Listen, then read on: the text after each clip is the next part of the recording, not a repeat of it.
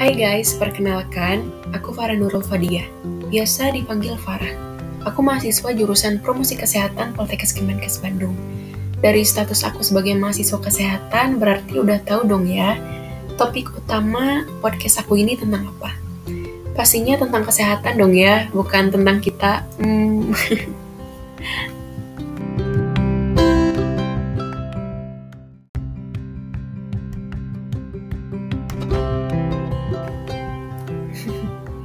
Oke oke. Jadi sekarang aku bakal ngebahas tentang kesehatan mental. Nah, banyak banget nih sebenarnya gangguan kesehatan mental. Salah satunya itu anxiety disorder atau gangguan kecemasan. Anxiety disorder ini banyak sih penyebabnya. Ya bisa karena kalian yang mulai tumbuh dewasa ya kan. Jadi emang pas banget nih masa-masanya lagi overthinking buat masa depan gitu.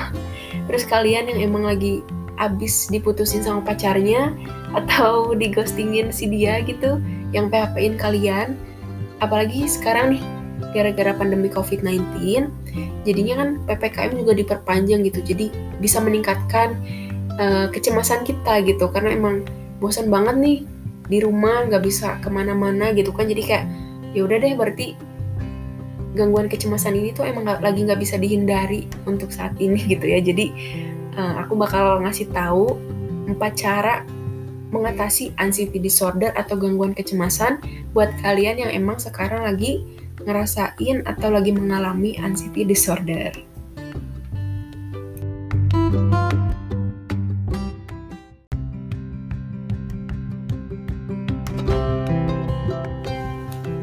Lanjut ke poin yang kedua, yaitu kurangi sosial media buat kalian nih yang anxiety disordernya gara-gara putus sama si doi atau mungkin kalian masih ada yang suka ngestalk si mantan sampai kalian gangguan kecemasan gitu karena susah move on bisa tuh kurang-kurangin dulu deh sosmednya sambil tenangin diri kalian juga sambil ya berusaha untuk move on lah gitu kan.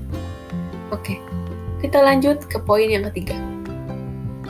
Kira-kira poin ketiga ini apa ya? Penasaran gak sih kalau aku sih penasaran ya. Jadi poin yang ketiga itu kita harus memulai gaya hidup sehat. Misalnya nih, kalian pagi-pagi bangun tidur daripada scroll sosmed sambil ngestalk mantan atau orang yang kalian suka, mending olahraga deh atau bersih-bersih rumah.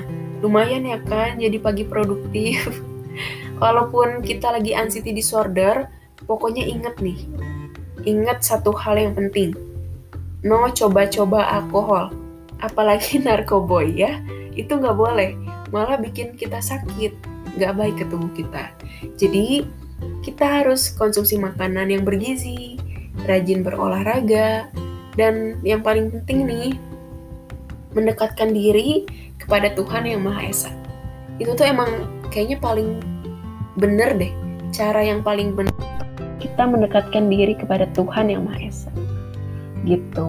Terus lanjut nih, yang poin keempat, emang topik utamanya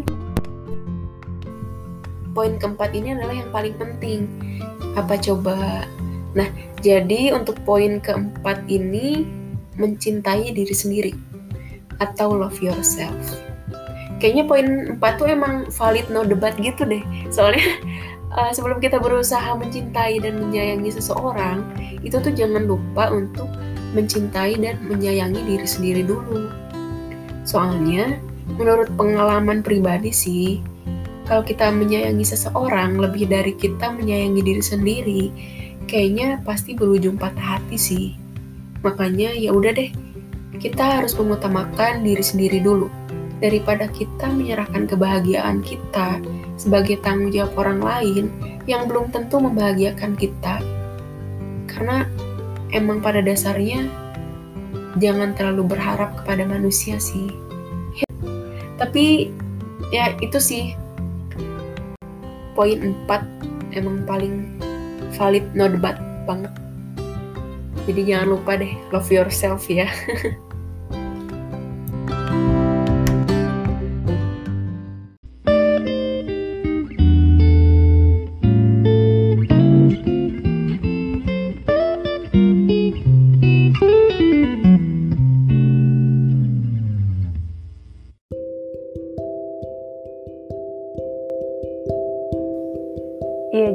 itu sih empat poin mengatasi anxiety disorder.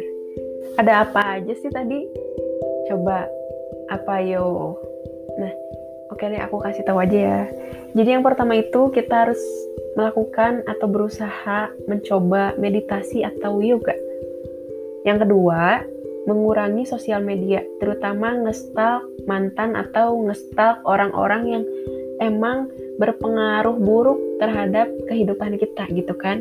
Terus yang ketiga, kita harus mulai gaya hidup sehat.